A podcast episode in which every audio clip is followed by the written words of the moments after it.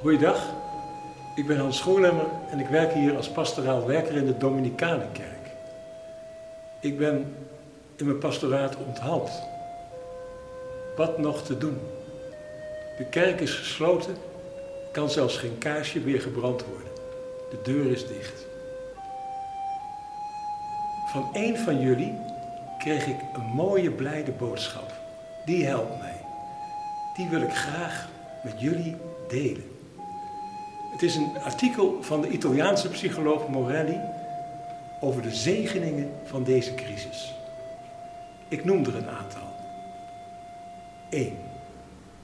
Juist nu ons klimaat ziek is, moeten we massaal thuis blijven. De luchtkwaliteit krijgt hier en daar al adempauze en knapt op.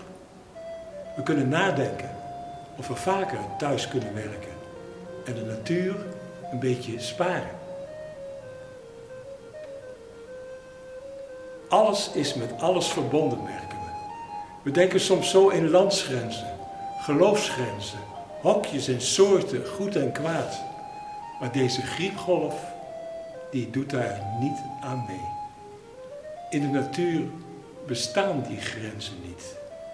We zijn één grote familie, zijn kwetsbaar, kunnen allemaal geraakt worden. We zijn zo'n consumptieve wereld geworden. Maar deze griepgolf vraagt ons even te stoppen. De boodschappentas thuis te laten. Zelf thuis te blijven. Even niet van hot naar her te reizen. Zijn in plaats van doen. Darwin leerde de survival of the fittest. Dat wil zeggen, niet de meest intelligentste, niet de meest sterke mens overleeft, maar hij of zij die zich het best kan aanpassen aan veranderingen. Is dit niet het moment om onze mee-veranderspieren te trainen?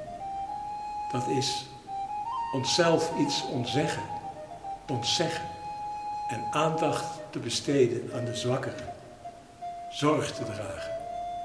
De survival of the kindest, de meest vriendelijke, die overleeft. Morelli vat zijn woorden samen. Laten we dus geen schuldigen zoeken, geen complotten bedenken, maar de uitdagingen die op ons afkomen aangaan met zoveel mogelijk medemenselijkheid en zorg. Juist die laatste woorden, die doen me aan Maria denken. Maria, die als geen ander wat haar overkwam, wat van haar gevraagd werd, haar zorg, haar pijn, haar verdriet, kon aanvaarden en beamen. Bij haar wil ik een kaars branden. Voor allen die nu vechten voor een ander, die knokken voor leven. Een kaars ook voor jou, die hier vanmiddag een kaars zou willen branden, maar voor wie de deur gesloten is.